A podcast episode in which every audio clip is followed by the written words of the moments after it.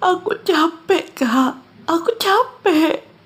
Setiap kali pulang, aku harus menyaksikan ladang neraka ini. Aku udah gak kuat, Kak. Mereka gak pernah peduli sama kita. Bukan cuma kamu, Dik.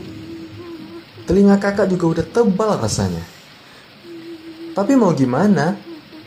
Apa yang bisa kita buat selain mengurut dada? Tapi, Kak, Kakak tahu, kamu merindukan suasana yang dulu, bukan? Ketenangan di tengah keluarga yang harmonis, ayah yang mengayomi, ibu yang penuh kelembutan. Ya, kita berdoa saja. Semoga ego di hati mereka sedikit tereda. Kamu yang sabar ya.